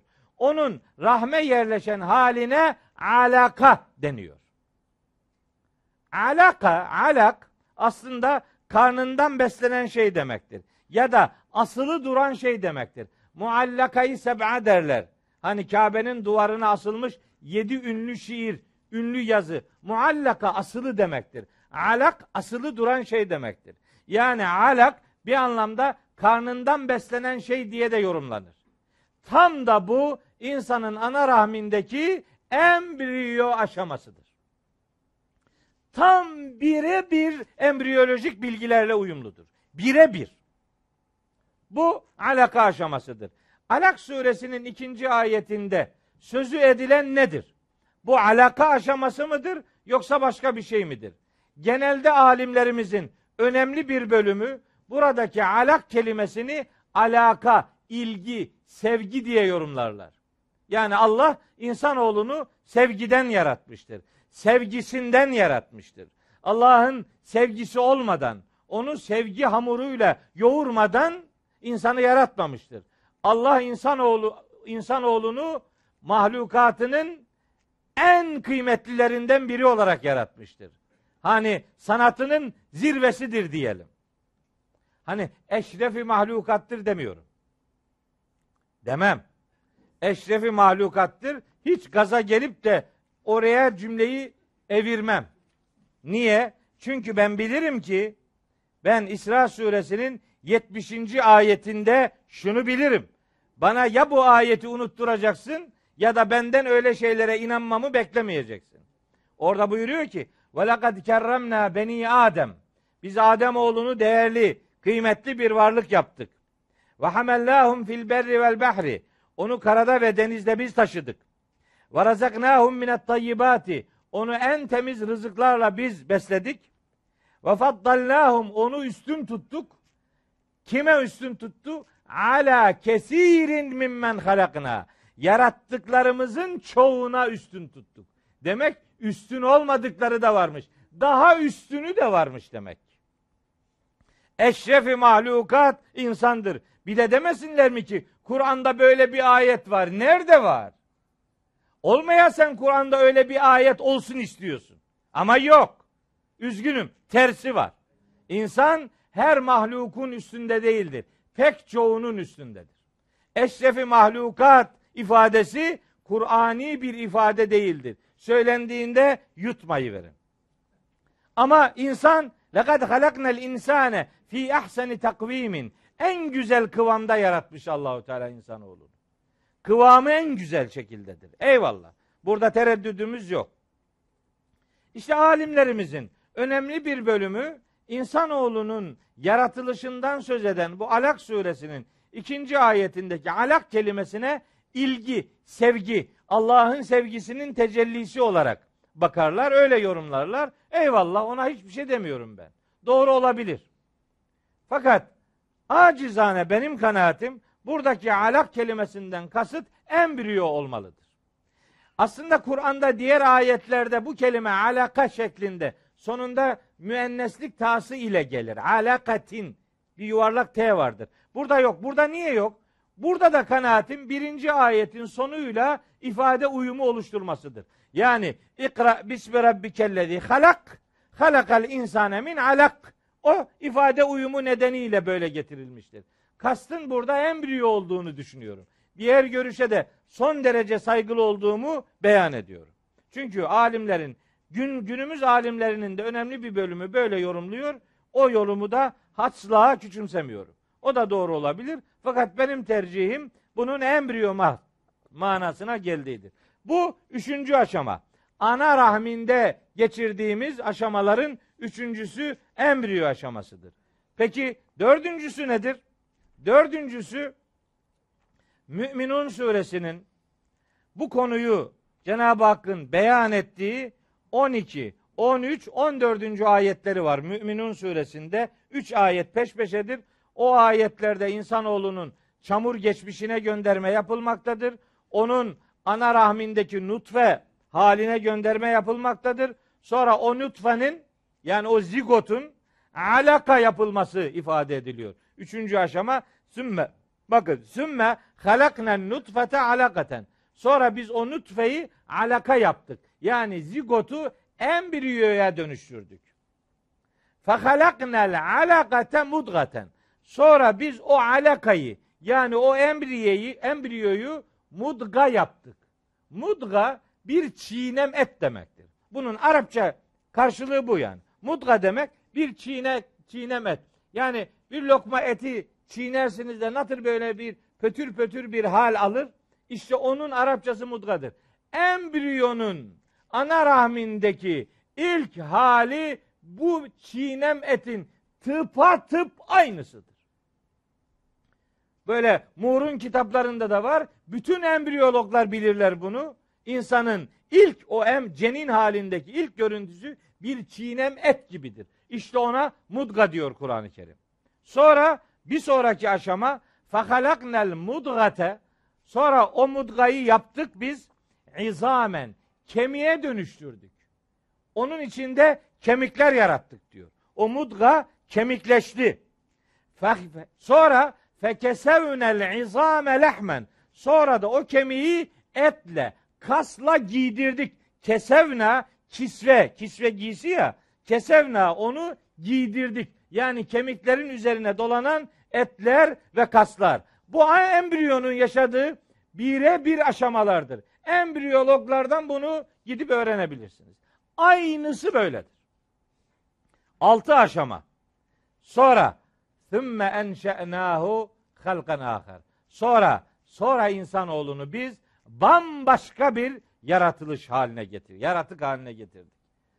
Enşe'nâhu onu inşa ettik. Halkan ahar. Bambaşka bir yaratık olarak. Yani ne zigotta, ne spermde, ne yumurtada, ne zigotta, ne embriyoda, ne mudgada, ne izamda, ne lehm halinde. Baktığınız zaman bir insan görmüyorsunuz. Ama o aşamaların sonucunda artık insan organlarıyla muhallaka ve gayri muhallaka aşaması geçmiş. Yani Hac suresi 5. ayette de bir detay var. Sözü uzatmamak için o ayeti anlatmadım. Yalnız onu bilmenizi isterim. Hac suresi 5. ayet insanoğlunun topraktan itibaren yaratılış serüvenini ortaya koyar. Tam yarım sayfalık bir ayettir. Oraya girsem bu ayetleri okuyamayacaktım. Onun için bunları tercih ettim. Ama Hac suresi 5. ayeti iyice okumanızı, anlamanızı tavsiye ederim. Bir kardeş nasihati olarak. Şimdi bu bambaşka yaratılış. Bunu yorumlamış alimler, eski alimlerimiz. Demişler ki bu halkı ahar yani yedinci aşama yani bu bambaşka yaratık ifadesi aslında insanoğluna ruhun üflenmesidir. Çünkü Allahu Teala insanoğlunun yaratılışından söz ettiği ayetlerde ona ruhundan üflediğini de söylüyor. Bir ayeti hatırlatayım. Ee, Secde suresi 9. ayet. Hani 7, 8 ve 9. ayetler yaratılışla alakalı bilgi verir. Mesela ayetleri böyle hızlı hızlı. Bu üç ayeti hızlı hızlı okuyayım. Birincisini okumuştum 7. ayeti. Allah her şeyin yaratılışını en güzel yapandır ve insanı yaratmaya da çamurdan başlamıştır dedi. 8. ayet Thümme ceale neslehu sonra insanoğlunun neslini zürriyetini kıldı. Min sülaletin bir özden. Min ma'in mehinin değersiz bir sıvıdan oluşmuş bir öze. Yani sperm ve yumurta birleşiminde meydana gelen o sıvıyla ilişkilendirmiş. Thümme sevvahu sonra insanoğluna şekil vermiş. Onu tesviyeye tabi tutmuş. Tesviye düzenleme demek. Ve nefeka fihi min ruhihi. O düzenleme aşamasında insanoğluna Allah ruhundan üflemiştir. Oralarda. O tesviye aşamasında. Ve o aşamanın devamında yine embriyologlara buradan bir duyurum olsun. Bana geri dönüşler olursa ziyadesiyle memnun olurum.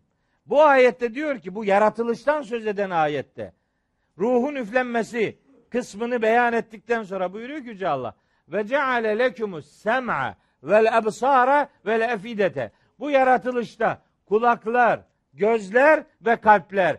Acaba bu yaratılış sırası böyle midir? Bunu ben bilmem. Bunu işte embriyologlar bilirler.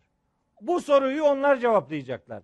Yaratılışta fonksiyonel olarak ilk kalbin çalıştığı söylenir ama fonksiyonel olarak çalışmasının değil hücre olarak yaratılışında önce kulaklar, sonra gözler, sonra kalpler mi yaratılıyor acaba? Acaba bu sıralama böyle bir işaret içerir mi? Bu kardeşlerimizin inceleme konusudur. Biz burada kenara çekilir, onların sözüne bakarız. Ama Kur'an bir işaret veriyorsa bu işaret şakadan bir işaret değildir. Bunun üzerinde bu doğrultuda çalışma yapılırsa belki bir Kur'ani hakikat yeniden insanlığın gündemine oturacaktır. Size daha harika bir şey söyleyeyim. Harikalar ötesi bir şey söyleyeyim. Bu şimdi söyleyeceğim bundan sonra araştırmayla ispat edilecek bir şey değil. İspat edilmiş bu. Bu ispat edilmiş. Nedir bu? Kıyamet suresi var ya hep kıyametten söz eder deyip sureyi ahirete gönderme gayretkeşliğimiz var ya. Allahu Teala sureleri aye, ahirete göndermeyin diyor. Hayatınızda uygulayın. Bakın neler söylüyor. İnsanın yaratılışından söz eden Kıyamet suresi 37, 38 ve 39. ayetler. Benzerleri Necim suresinde de var. İkisini birlikte okumuyorum. Bir tanesiyle yetinelim. Bakın insanın yaratılışından söz ediyor. Buyuruyor ki Elem yekü insanoğlu değil miydi? Nutfeten bir nutfe. Yani bir zigot. Biz ona zigot dedik.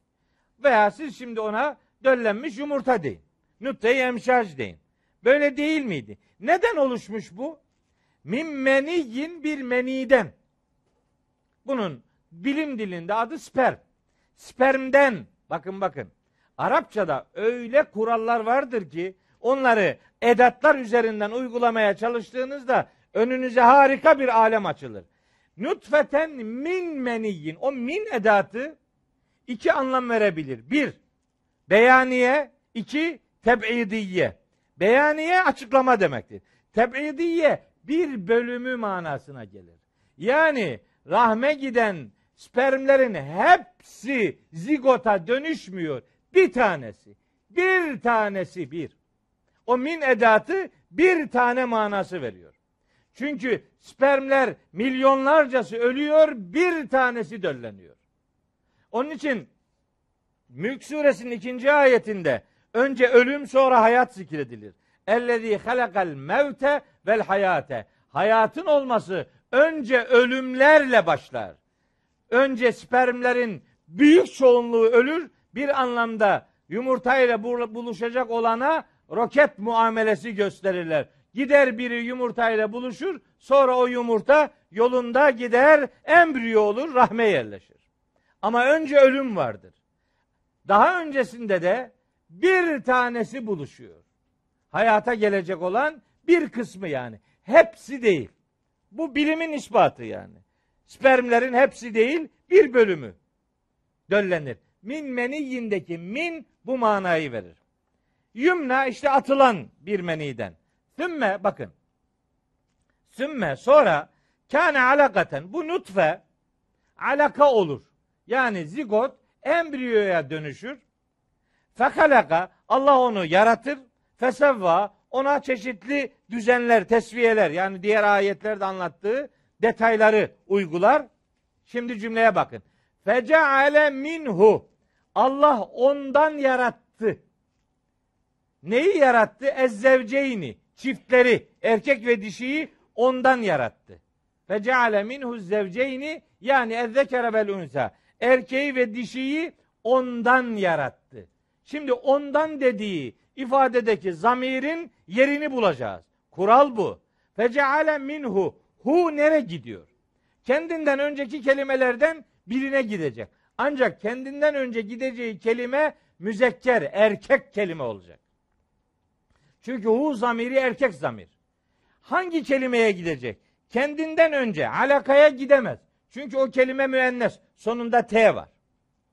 Kendinden önce nutfeye gidemez. Onun sonunda da yuvarlak T var. Oraya da gitmez. Çünkü nutfe artık insan olmuş. Alaka artık insan olmuş. Daha öncesinden söz ediyor. Buradaki hu zamiri meniyyin kelimesine gider. Ne demek şimdi bu? Bu şu demek. Bir insanın erkek mi, kız mı olacağını belirleyen hücre erkekten gelen hücredir. Kadınlardaki kromozomlar XX'tir. Erkekten gelenler XY'dir. Erkekten de X gelirse çocuk kız olur. Erkekten Y gelirse XY çocuk erkek olur. Cinsiyeti belirleyen hücreler erkekten gelen hücrelerdir. İşte Kur'ani bir bir mucize. Harikalar ötesi bir mucize. Biz şimdi bu kitabı okumayacağız da neyi okumamızı tavsiye ediyorsun? Ne okuyalım yani? Sıralıyor bana deste deste kitaplar. Onları sen oku. Ben bu kitabı okuyacağım. Bu kitabı okuyacağım. Bunun bir kelimesi bile bana hayat bahşediyor. Nisa suresinde çok harika bir ifade var. Onu da Trabzon'dan bir doktor hanım ablamız e, söyledi. Yani bu doktorlar kainat kitabının insan versiyonuyla ilgileniyorlar. Allah'ın bir ayetini ilk görenler hemşireler, ebeler ve doktorlardır. O çok haysiyetli bir görev yapıyorlar.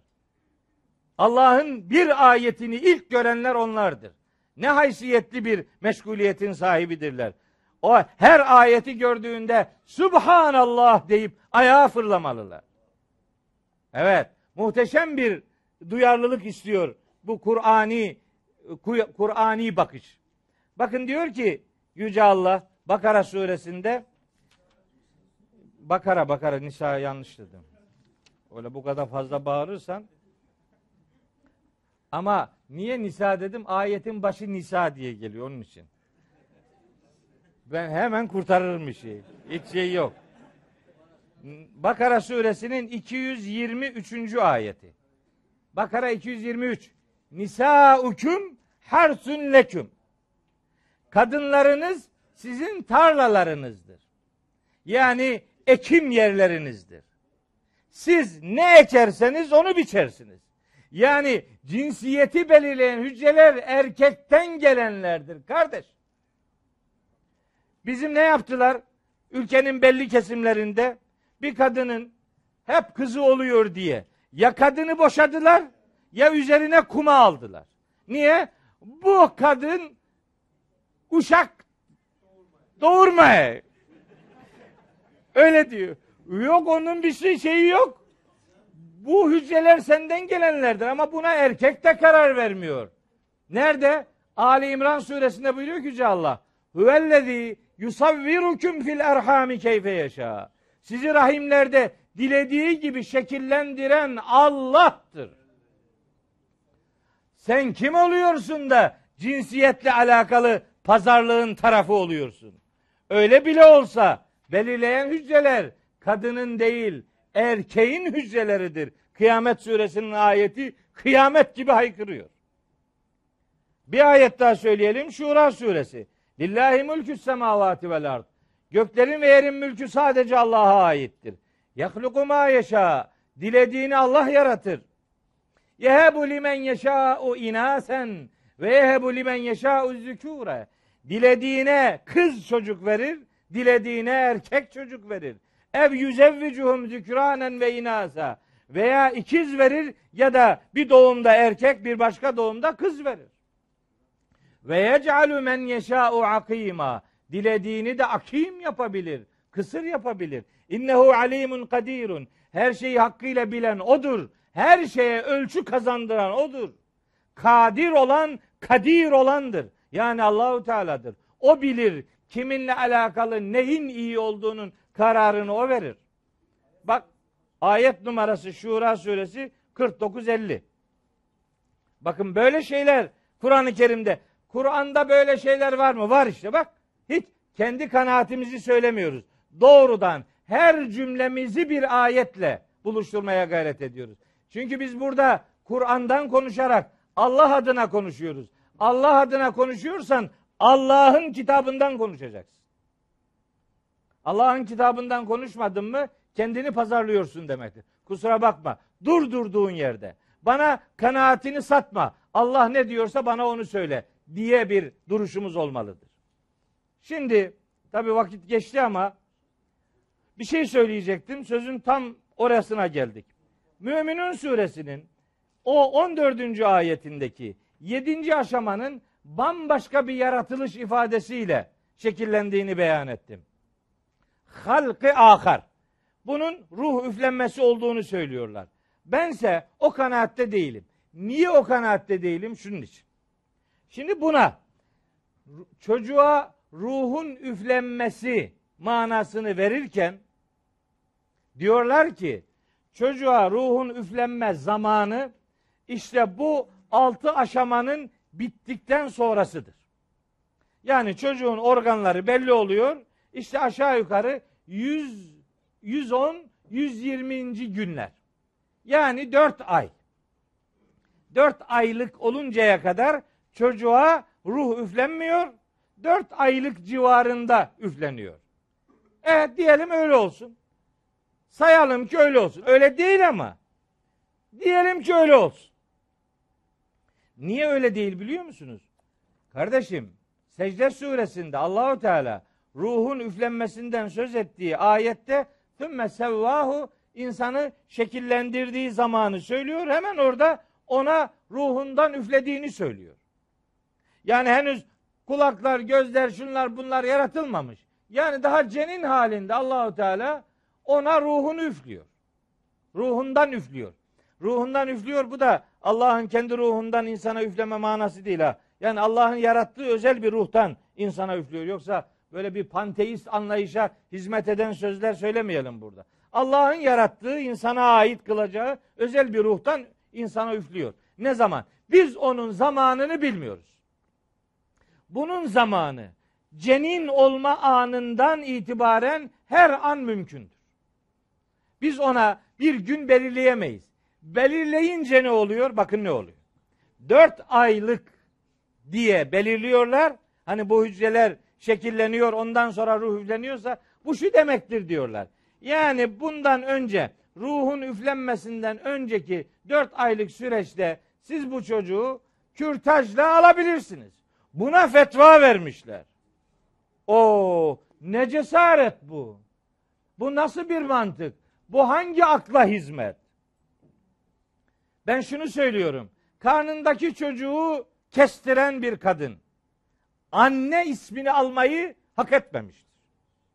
Çünkü o Allah'ın sıfatlarından söz ederken Rahman, Rahim, merhamet sıfatlarıyla aynı kökten gelen Rahim, Erham dediği insanoğlunun en güzel, en rahat edebileceği yere rahme yerleştirdiği o emaneti kestiren kadındır o. Onun adına anne denmez. Onun adına daha yumuşak, daha yumuşak bir şey söyleyeceğim ama bulamıyorum. O çocuğunun katilidir. Beni bağışlayın. Allah'ın gönderdiği emanetimi beğenmiyorsun. Emaneti gönderen Allah'ı mı beğenmiyorsun? Sen kim oluyorsun da o çocuğun hayat hakkını elinden alıyorsun? Üstelik en sıcak, en rahat, karar mekin diye tarif ettiği yerde onu kestiriyorsun. Allah'ın rahim dediği yeri çocuk için mezbahaneye dönüştürüyorsun. Efendim dört aya kadar ruh üflenmiyor. Öyleyse onu alabilirsin. Alamazsın. İşte hocam Mongol doğacak. Doğsun. Prematüre olacak. Olsun. Olsun ki onlarla ilgili çalışmalar yapsın bilim insanları. Prematüre olmanın tedavi yöntemlerini geliştirsinler. Mongol insanları hayata kazandırabilecek çalışmalar yapsınlar. Yapsınlar. Senin imtihanın da demek oymuş. Senin sadakayı cariyen demek ki oymuş. Niye bu imtihan sorusunu yırtıyorsun? Biz üniversitede okullarda imtihan yapıyoruz. Soru soruyoruz. Bazı çocuklar soruları beğenmiyor. Soruları beğenmiyor, yırtıyor kita- kağıdı. O çocuğun o imtihandan geçme şansı var mı? Niye? Kağıdı yırttı. Sen de imtihan kağıdını yırtıyorsun karnındaki çocuğu kestirmekle. Nasıl kazanacaksın bu? Hocam bunu yapmıştık şimdi ne yapalım? Yaparken soracaktın. Yapayım mı diye soracaktın. Ve benden en sert cevabı alacaksın. Bakın ben sadece kürtaj kısmıyla ilgilenmiyorum. Bu kadar olsa gene bir şey değil. Ben daha ileri şeyler söylüyorum. Burada ekranlardan bizi izliyor kardeşlerim. Siz de buradasınız. Uzun uzadıya çalıştığım bir konu olduğu için beyan ediyorum. Ben sadece rahimdeki embriyonun kürtaj edilmesine karşı değilim. Sadece karşı olduğum bu değil. Çocuk henüz embriyo olmadan önce de ona müdahil olan her türlü girişimin cinayet olduğuna inanıyorum. Yani yani ne demek istiyorum? Hani anlatırken nutfe kelimesini anlatırken rahim yolundaki döllenmiş yumurta ona zigot dedik ya. İnsan yolculuğuna zigot haliyle başlamıştır. Bir erkeğin hücresiyle bir kadının hücresi buluştu mu artık o minyatür insandır. O kromozom 46 kromozomda insana dair ne varsa hepsi orada kodlanmıştır. o zigotu rahim yolundaki o zigotu rahme gitmesin diye rahmin ağzına yerleştirilen o spiral denen aletin de bir çeşit kürtaj olduğunu unutmayın. Efendim hamileliği önleyici diye tanıtılıyor. Evet önleyici kısmı var ama eğer hamileliği önleyememişse o yüzük, o zehir aslında.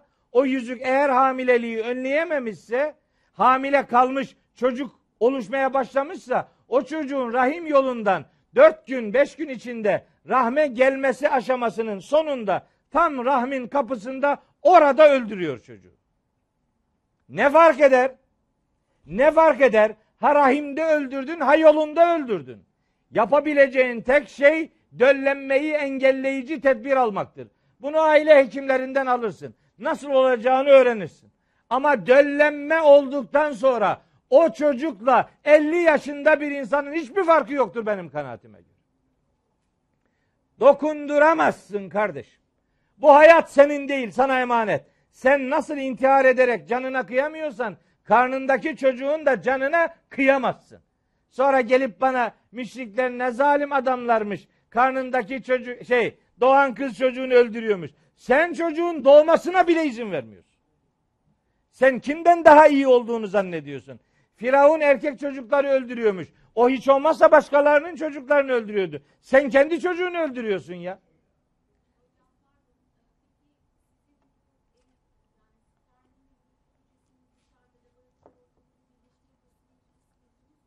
Yok. Hiçbir sıkıntım yok. Olsun. Bir, bir hastalık bir tedavi biçimi olarak ona dair bir rezervim yok. Evet. Şimdi bir şey daha söyleyeceğim. Ne söyleyeceğim? Estağfirullah. Allahümme salli ala Muhammed. Unuttum. Ee, yani bu müdahaleleri bir defa çok tehlikeli buluyorum. Niye biliyor musunuz? Allah ilk can olarak bizimle alakalı kelime kullandığına nefsi vahide dedi ya, nefsi vahide. O nefis kelimesi çok önemli. Niye biliyor musunuz? Çünkü Maide suresinde bir cana kıyan bütün canlara kıymıştır diye bir ayet var. Men katele nefsen bi gayri nefsin ev fesadin fil ardı fekennema katelen nase cemi'a. Bir cana kıyan bütün insanları öldürmüş gibidir sebepsiz yere. Orada kullanılan kelime ne biliyor musunuz? Men gatelen nefsen. Nefis kelimesi. Ayet Maide suresi 32. ayet.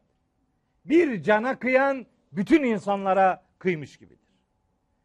Bir Adem bir alemdir diye iman ederiz.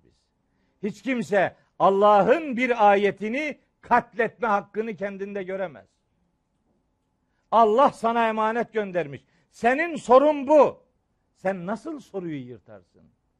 Soruyu mu beğenmedin? Soranını mı beğenmedin? Emaneti mi beğenmedin? Gönderenini mi beğenmedin? Nasıl bir bakıştır bu? Bu bakış son derece tehlikeli bir bakıştır.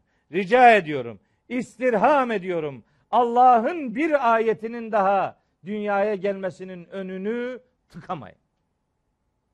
Allah insanoğlunu kerim bir varlık olarak bir ayeti bir müstakil kitabı olarak yaratıyor.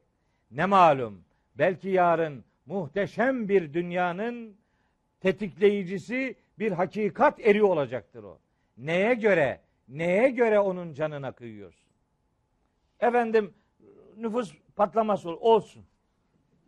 Başka tedbir al kardeş. Çocuk olmadan döllenmenin olmasını engelleyebilirsin. Döllenme olduktan sonra bitti bu iş. Daha daha onunla uğraşamaz. O yoluna girdi, inşallah hayat bulacaktır. Evet, sözüm burası benim için önemliydi. Tarihe not düşelim. Bir kişinin bir yavrucağın olsun hayatını kurtarabileceksek bu canıma minnet olsun.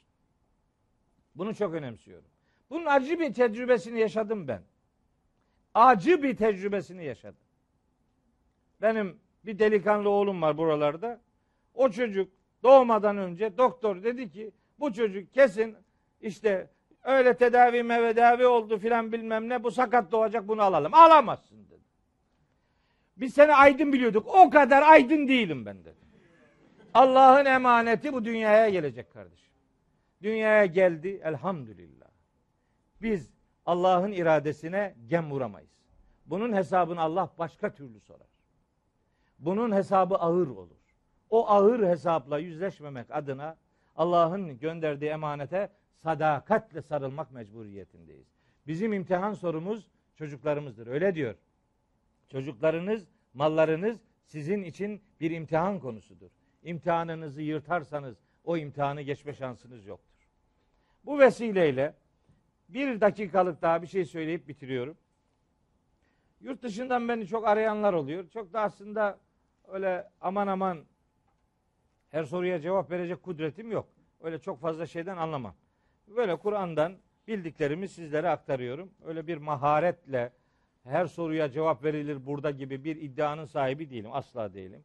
Fakat acizane yurt dışından çok soranlar oluyor. Buradan şimdi izleyen kardeşlerim de yurt dışından takip edenler de vardır. Onlara bir sözüm olsun. Bu evliliklerde böyle Müslümanlarla Hristiyanlar evleniyor. Kızlarımızı Hristiyanlara veriyorlar. İşte ehli kitapla evlilik bağlamında bunu söylüyorlar. Kızımız o da ehli kitaptan biridir filan. Dolayısıyla kızımız onunla evlenebilir. Yok bilmem onun kızını biz alabiliriz gibi bir Maide suresine bir ayet var. Utül kitap, ehli kitap ifadesini biraz şirazesini kaçırarak kullanıyoruz.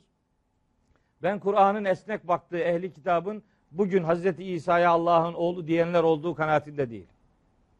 Allah İsa Allah'ın oğludur diyenler Kur'an'ın açık ifadesiyle hiç kıvırtmanın bir alemi yok. Hiç sağa sola şirin görünmenin bir alemi yok. Maide suresinin 72 ve 73. ayeti. Gidin okuyun. Orada İsa Allah'tır, üçtür, üçün üçüncüsüdür diyenler açıktan kafir diye tarif ediliyor. Maide suresinin 72-73. ayetleri. Dolayısıyla onu bu, biz herkesle muhabbet edebiliriz. Herkesle arkadaş da olabiliriz de Allah'ın ayetlerini ters yüz ederek Allah'ın içini doldurduğu hakikatleri boşaltıp içini biz doldurma hakkına sahip değiliz. Dolayısıyla Kur'an'ın ehli kitap deyip esnek baktıklarının şirk içerisinde bulunan adamlar olmadığını özellikle beyan etmeliyim. Biri İsa'ya Allah'ın oğludur, üçün üçüncüsüdür filan diyorsa onun ne kızını alırım ne ona kız veririm. Dolayısıyla bu kadar Müslüman kız varken ortalıkta yani onlardan al. Bu kadar Müslüman damat varken onlar onlardan şey öbürlerle muhabbetimiz devam edebilir. Bir, bir sakıncası yok. Ya bu soruları bana sormayın ya çok sert cevap vereceğimi bilmenizi isterim. Ben Kur'an'ın hakikatleri ulu orta meydanda dururken bir başkasını güldüreyim diye yüreğimi hüzünle dolduracak Allah'ın gazabını gerektirecek bir cevap asla ve kat'a vermem. O itibarla hayatını Kur'an'a adayanlardan olma noktasında Rabbimden niyazım odur ki bizi muvaffak kılsın. Size de hayır üzere, istikamet üzere bir ömür nasip eylesin. Hepiniz Allah'a emanet olun.